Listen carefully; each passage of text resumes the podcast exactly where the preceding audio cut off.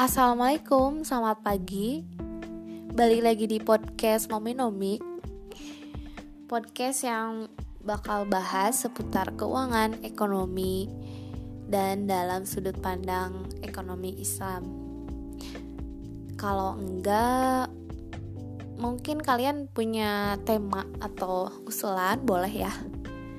Nanti bisa kirim email di fitranti at upi.edu Di sessionnya kali ini Momi bakal bahas crazy Only membeli rumah tanpa riba. Aduh kenapa sih mom? Kok crazy only doang? Gak, gak crazy rich gitu.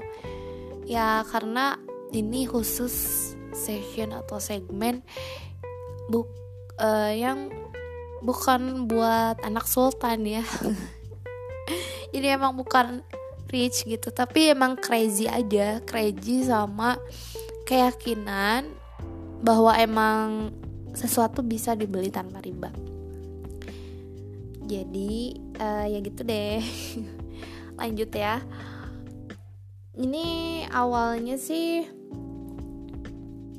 mindset ini terbentuk ketika Momi pada zamannya ikut kasei namanya itu kajian kelompok uh, ekonomi Islam itu dulu pas S1 nah itu punya mindset yang membuat bertahan sih meskipun beberapa kali dikecewakan gitu. Tapi tetap yakin gitu.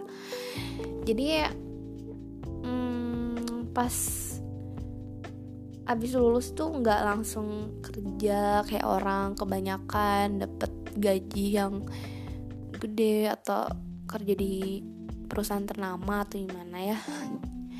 Karena ya dulu uh, sarjana pendidikan jadi calon guru gitu. Cuman emang gak nyambung juga sih pas kerja pernah di radio terus di freelance di sebuah penerbit yang lumayan cukup gede juga. Dan nominal penghasilannya pun nggak gak gede gitu. Uh, mungkin seharga kopi satu liter ya. Jadi ya begitulah gitu. Cuman memang mindset ini tetap uh, mau mirawat jadi tetap yakin bahwa uh, pokoknya aku mau mau yakin gitu nggak akan uh, riba gitu ngambil. Nanti kalau mau pengen aset apa pun gak bakalan uh, secara riba gitu.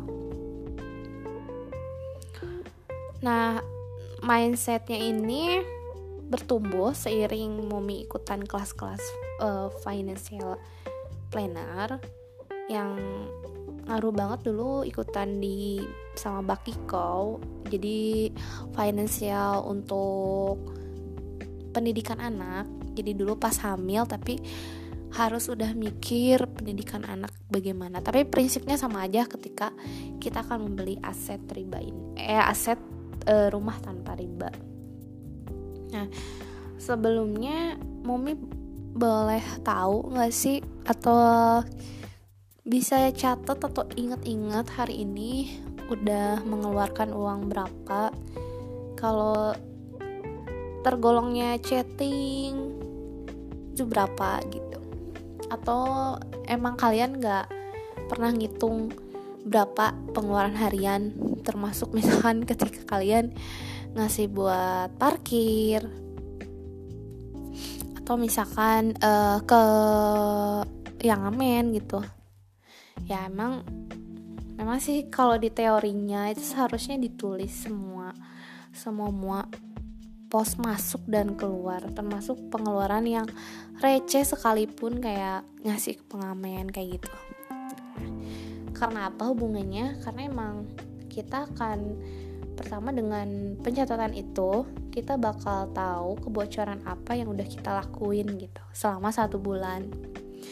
Dan mau ngitung uh, jenis-jenis pengeluaran kebocoran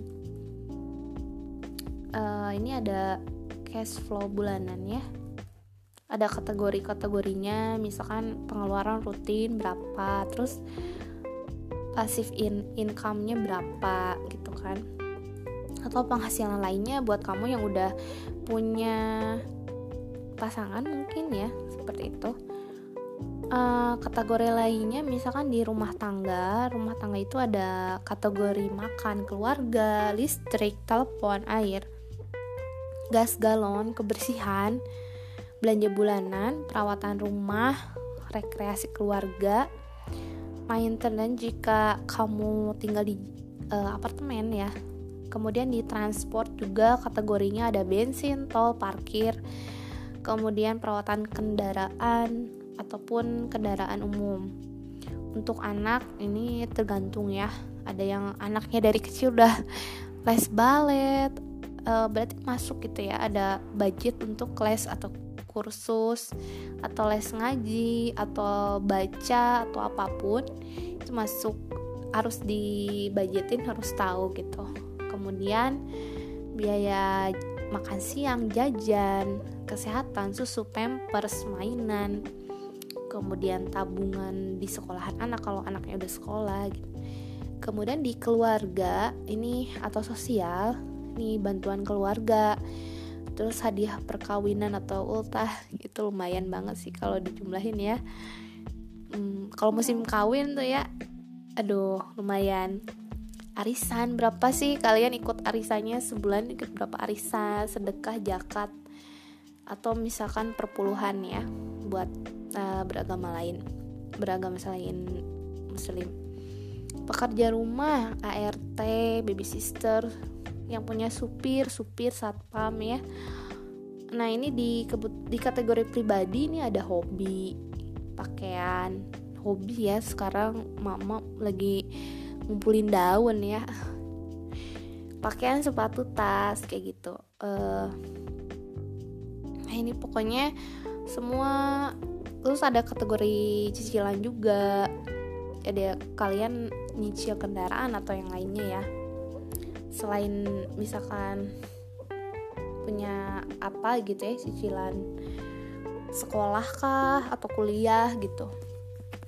Itu mesti di pertama penulisannya itu mesti dikategoriin. Jadi kita tahu gitu kebocoran mana ya suatu waktu momi lihat nih kebocoran momi itu misalkan di minuman atau cheating ya. Ternyata guys beli kopi gitu kan? Hmm, lumayan gitu. Kalau sehari misal aduh pas ngantor nih bete sumpah ngopi dulu gitu kan? Jam istirahat. Bisa kalau harganya 20 ribu aja ya hitung yang termurah 20 ribu dikali 30 hari itu udah lumayan ya. Nah itu kebocoran momi. Tapi mungkin buat bapak-bapak nih bisa kebocorannya dari rokok ternyata guys. Jadi lumayan sih sebungkus rokok per hari. Itu bisa sih ngumpulin buat rumah. Jadi kalau kita aja ya per e, bungkus rokoknya 50 ribu. Kalau itu per hari kalau dikali 30 jadi sejuta setengah guys. Itu lumayan banget ya kebocoran. Tapi gak apa-apa lah namanya manusia kan. Punya pernah punya salah gitu. Kebocoran lainnya misal uh, di kalau wanita di skin, skincare ya lagi musimnya mungkin atau kulit kamu emang cocoknya sama skincare Korea gitu ya. Itu kan lumayan banget. Nah di sini Mami bakal bahas gimana sih caranya mencapai tadi ya aset tanpa riba ini.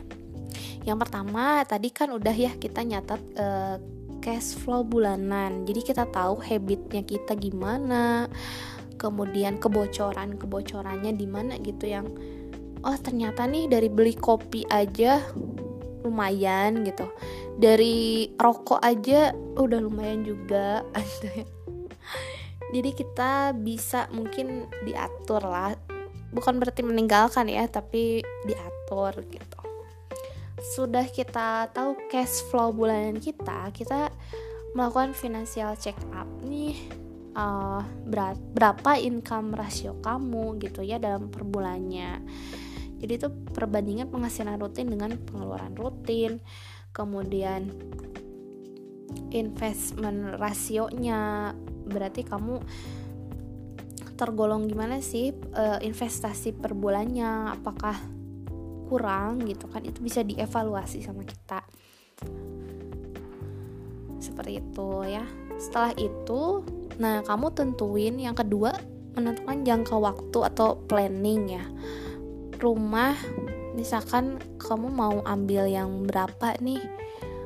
Mau ambil yang setengah M atau yang 200 juta atau yang berapa gitu. Dan itu sebenarnya ditentukan banget dari lokasi ya. Kamu misalkan prefer uh, prefernya kamu pengen deket kantor. Bisa kamu di Jakarta nih pengen deket kantor berarti kan lumayan ya kalau rumah. Kalau apartemen ya lumayan juga gitu.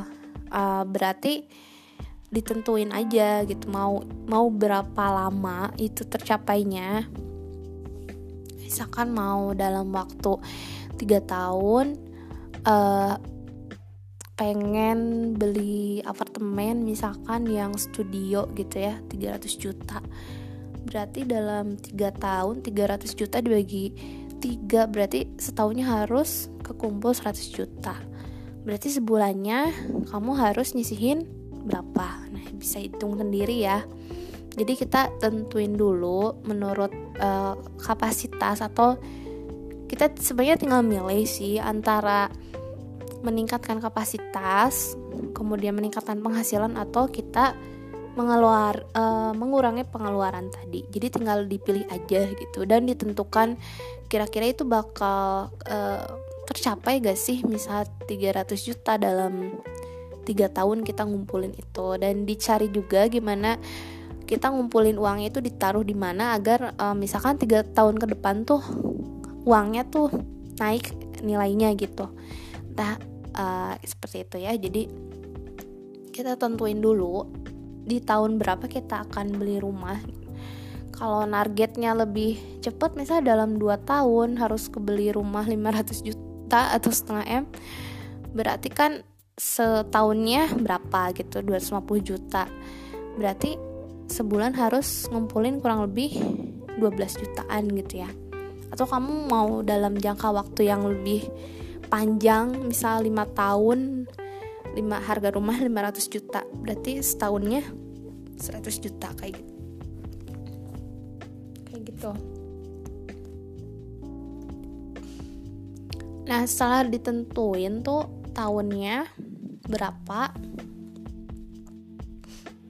Nah, kita kembali sih balik lagi sebenarnya tadi kan uh, antara kita meningkatkan penghasilan atau kita mengurangi pengeluaran. Nah, uh, Mami nggak bahas sih kalau meningkatkan penghasilan juga sebenarnya Mami kurang jago ya. Cuman ini tips-tips buat mengurangi pengeluaran aja kali ya karena mungkin sesama perempuan kalau di sini mendengarkannya lebih banyak perempuan uh, mungkin bisa ya dijadikan rujuk uh, enggak sih rujukan enggak sih masih boros juga cuma bisa lah ya. Yang pertama itu gimana caranya kita berhemat? Yang pertama sih sebenarnya di mindset kadang kita tuh membeli barang yang bukan uh, need ya tapi wants itu. Karena kalau mau melihat sih di psikologi konsumennya tuh lebih karena branded gitu. Di mana orang membeli branded itu kecenderungannya sih kalau mau melihat dia punya versi value terhadap barang itu jadi dia bukan membeli barangnya sebenarnya membeli value-nya gitu. Versi value. Jadi di barang itu ada sebuah value yang dia beli. Entah itu value-nya itu untuk menunjukkan hmm, statusnya di masyarakat atau yang lainnya gitu. Atau identitas dia apa gitu ya.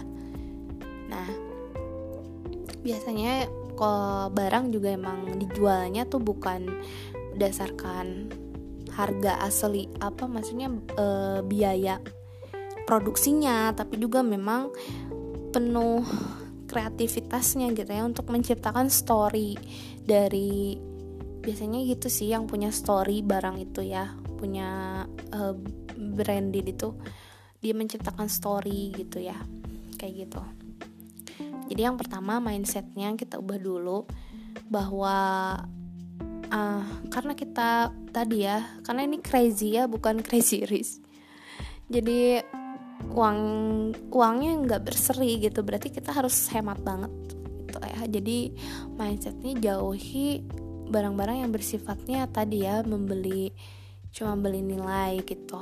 Nah uh, kita terapi diri bahwa kita yakinkan bahwa nilai diri kita itu tidak terletak di barang itu gitu. Jadi nilai aku tuh nggak nilai kita nggak terletak di hmm, sepatu yang kita pakai gitu. Di tas yang kita pakai atau misal kerudung ya kerudung zaman sekarang main juga harganya gitu ya. Tapi uh, nilai diri kita terletak di cara kita berbicara, cara kita berpandang atau kualitas atau kapasitas diri kita gitu ya. Kemampuan kita. Yang pertama itu. Yang kedua uh, cari barang substitusi gitu ya.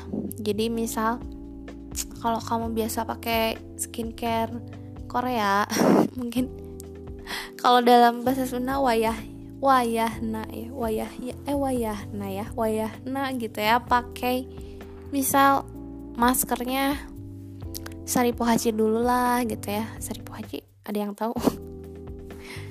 Sari pohaci coba ya ketik di Google bedak sari pohaci. Itu berapa? Itu murah banget gitu. Terus yang wangiannya mungkin kamu pakai essential oil atau merek-merek tertentu untuk deodoran aja yang lumayan harganya bisa mahal juga. Itu bisa diganti sama bedak MBK coba kamu ketik juga bedak MBK berapa. Nah itu jadi cari barang substitusi. Kalau lebih hematnya lagi kita bisa nyari barang free love. Jadi nih kalau misalnya kita punya anak uh, sebenarnya kan kepake sebentar-sebentar aja ya. Seperti misalkan boncer atau stoller gitu atau untuk mm, membantu jalan itu sebenarnya bayi itu sebentar-sebentar aja gitu. Ketika boncer itu di umur-umur berapa bulan udah ini lagi itu bisa uh, caranya dengan membeli free love atau menyewa. Jadi sekarang banyak kok yang udah banyak menyewakan misal kebutuhan bayi gitu ya. Atau misalkan kalau kita mau ke luar negeri itu udah banyak yang menyewakan baju-baju untuk musim dingin gitu ya. Jadi kita nggak perlu beli baru lagi gitu untuk baju kita pinjem aja cukup dengan kita pinjem kayak gitu. Jadi tips hematnya seperti itu. Terus selain menghemat kita harus bisa me menyimpan uangnya itu di mana gitu agar misalkan tidak terpakai gitu. Kalau zaman dulu mungkin orang tua kita zaman dulu masih bisa ya nyimpen di rumah tapi itu nggak kepake gitu. Uh, even itu di bawah bantal gitu ya tapi mereka tuh gigih disiplin banget nggak kepake gitu uangnya. Yang kita itu udah di ATM gitu ya tetap aja kan pengen ngambil. Itu pokoknya cari seenaknya kamu senyamannya misal mau ditaruh di emas atau gimana ya atau mungkin uh, dengan di bank sekalipun nggak apa-apa gitu ya. Kita nggak nggak ituin tabungan berjangka atau gimana bisa kayak gitu. Jadi ya tipsnya kurang lebih seperti itu. Tadi mau mirangkum lagi jadi tentuin dulu planning dulu mau berapa lama tercapainya kita breakdown dihitung berarti kita per bulan harus mengumpulkan uang berapa menyisikan uang berapa untuk beli rumah. Yang kedua uh, menjalani gaya hidup hemat. Tadi ada bisa dengan mm, menghindari barang-barang yang berbau wons dengan mencari substitusi. Tapi ya kalau kamu susah misal harus harus branded itu nggak apa-apa. Tapi mungkin kuantitas uh, belinya itu mungkin dari setahun harus beli jam tangan atau sepatu baru. Tadinya yang tiga bulan sekali ganti jadi mungkin jadi dua atau jadi sekali setahun kayak gitu. Bisa juga dengan tadi meminjam buku bisa pinjam uh, mainan-mainan anak juga udah banyak yang minjemin gitu. Perlengkapan baik yang ketiga uh, taruh uangnya di awal ya. Di awal bulan eh maksudnya di awal nerima kamu uang tersebut. Kalau kamu pekerja freelance atau pengusaha mungkin yang datangnya harian jadi disisihkan langsung di hari itu. Itu senyamannya kamu. Terus yang terakhir tadi jangan lupa nyatet tiap hari nyatet. Jadi ke kontrol apa aja hmm, kebocoran-kebocoran keuangan. Nah mungkin yang terakhir banyak doa karena rumah ini seperti halnya uh, mencari jodoh susah-susah gampang. Uh, buat kalian yang belum tahu rasanya mencari jodoh ya coba ya. Itu susah-susah gampang dan harus banyak doa. Jadi harus tunjukilah jalan yang lurus gitu. Di mana jodoh rumah aku di mana gitu. Karena kadang orang uh, karena doanya kencang gitu bagus ada yang dapet harga tanah tuh murah gitu. Beda sama ya momi cenderungnya mahal sih.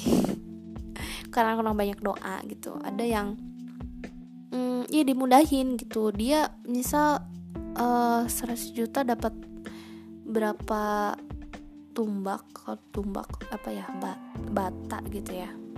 Berapa meter persegi. Tapi ada orang yang segitu cuma dapat berapa meter persegi.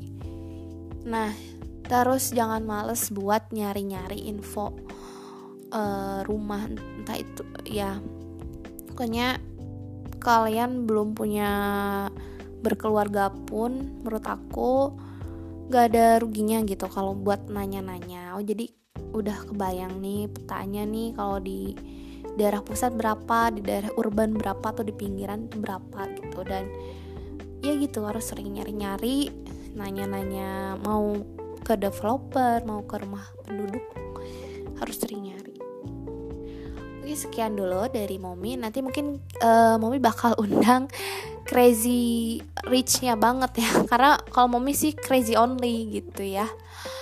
Yang mungkin bakal berbagi gimana caranya berbisnis tanpa riba. Ini kan membeli aset rumah tanpa riba. Sekian dulu. Wassalamualaikum warahmatullahi wabarakatuh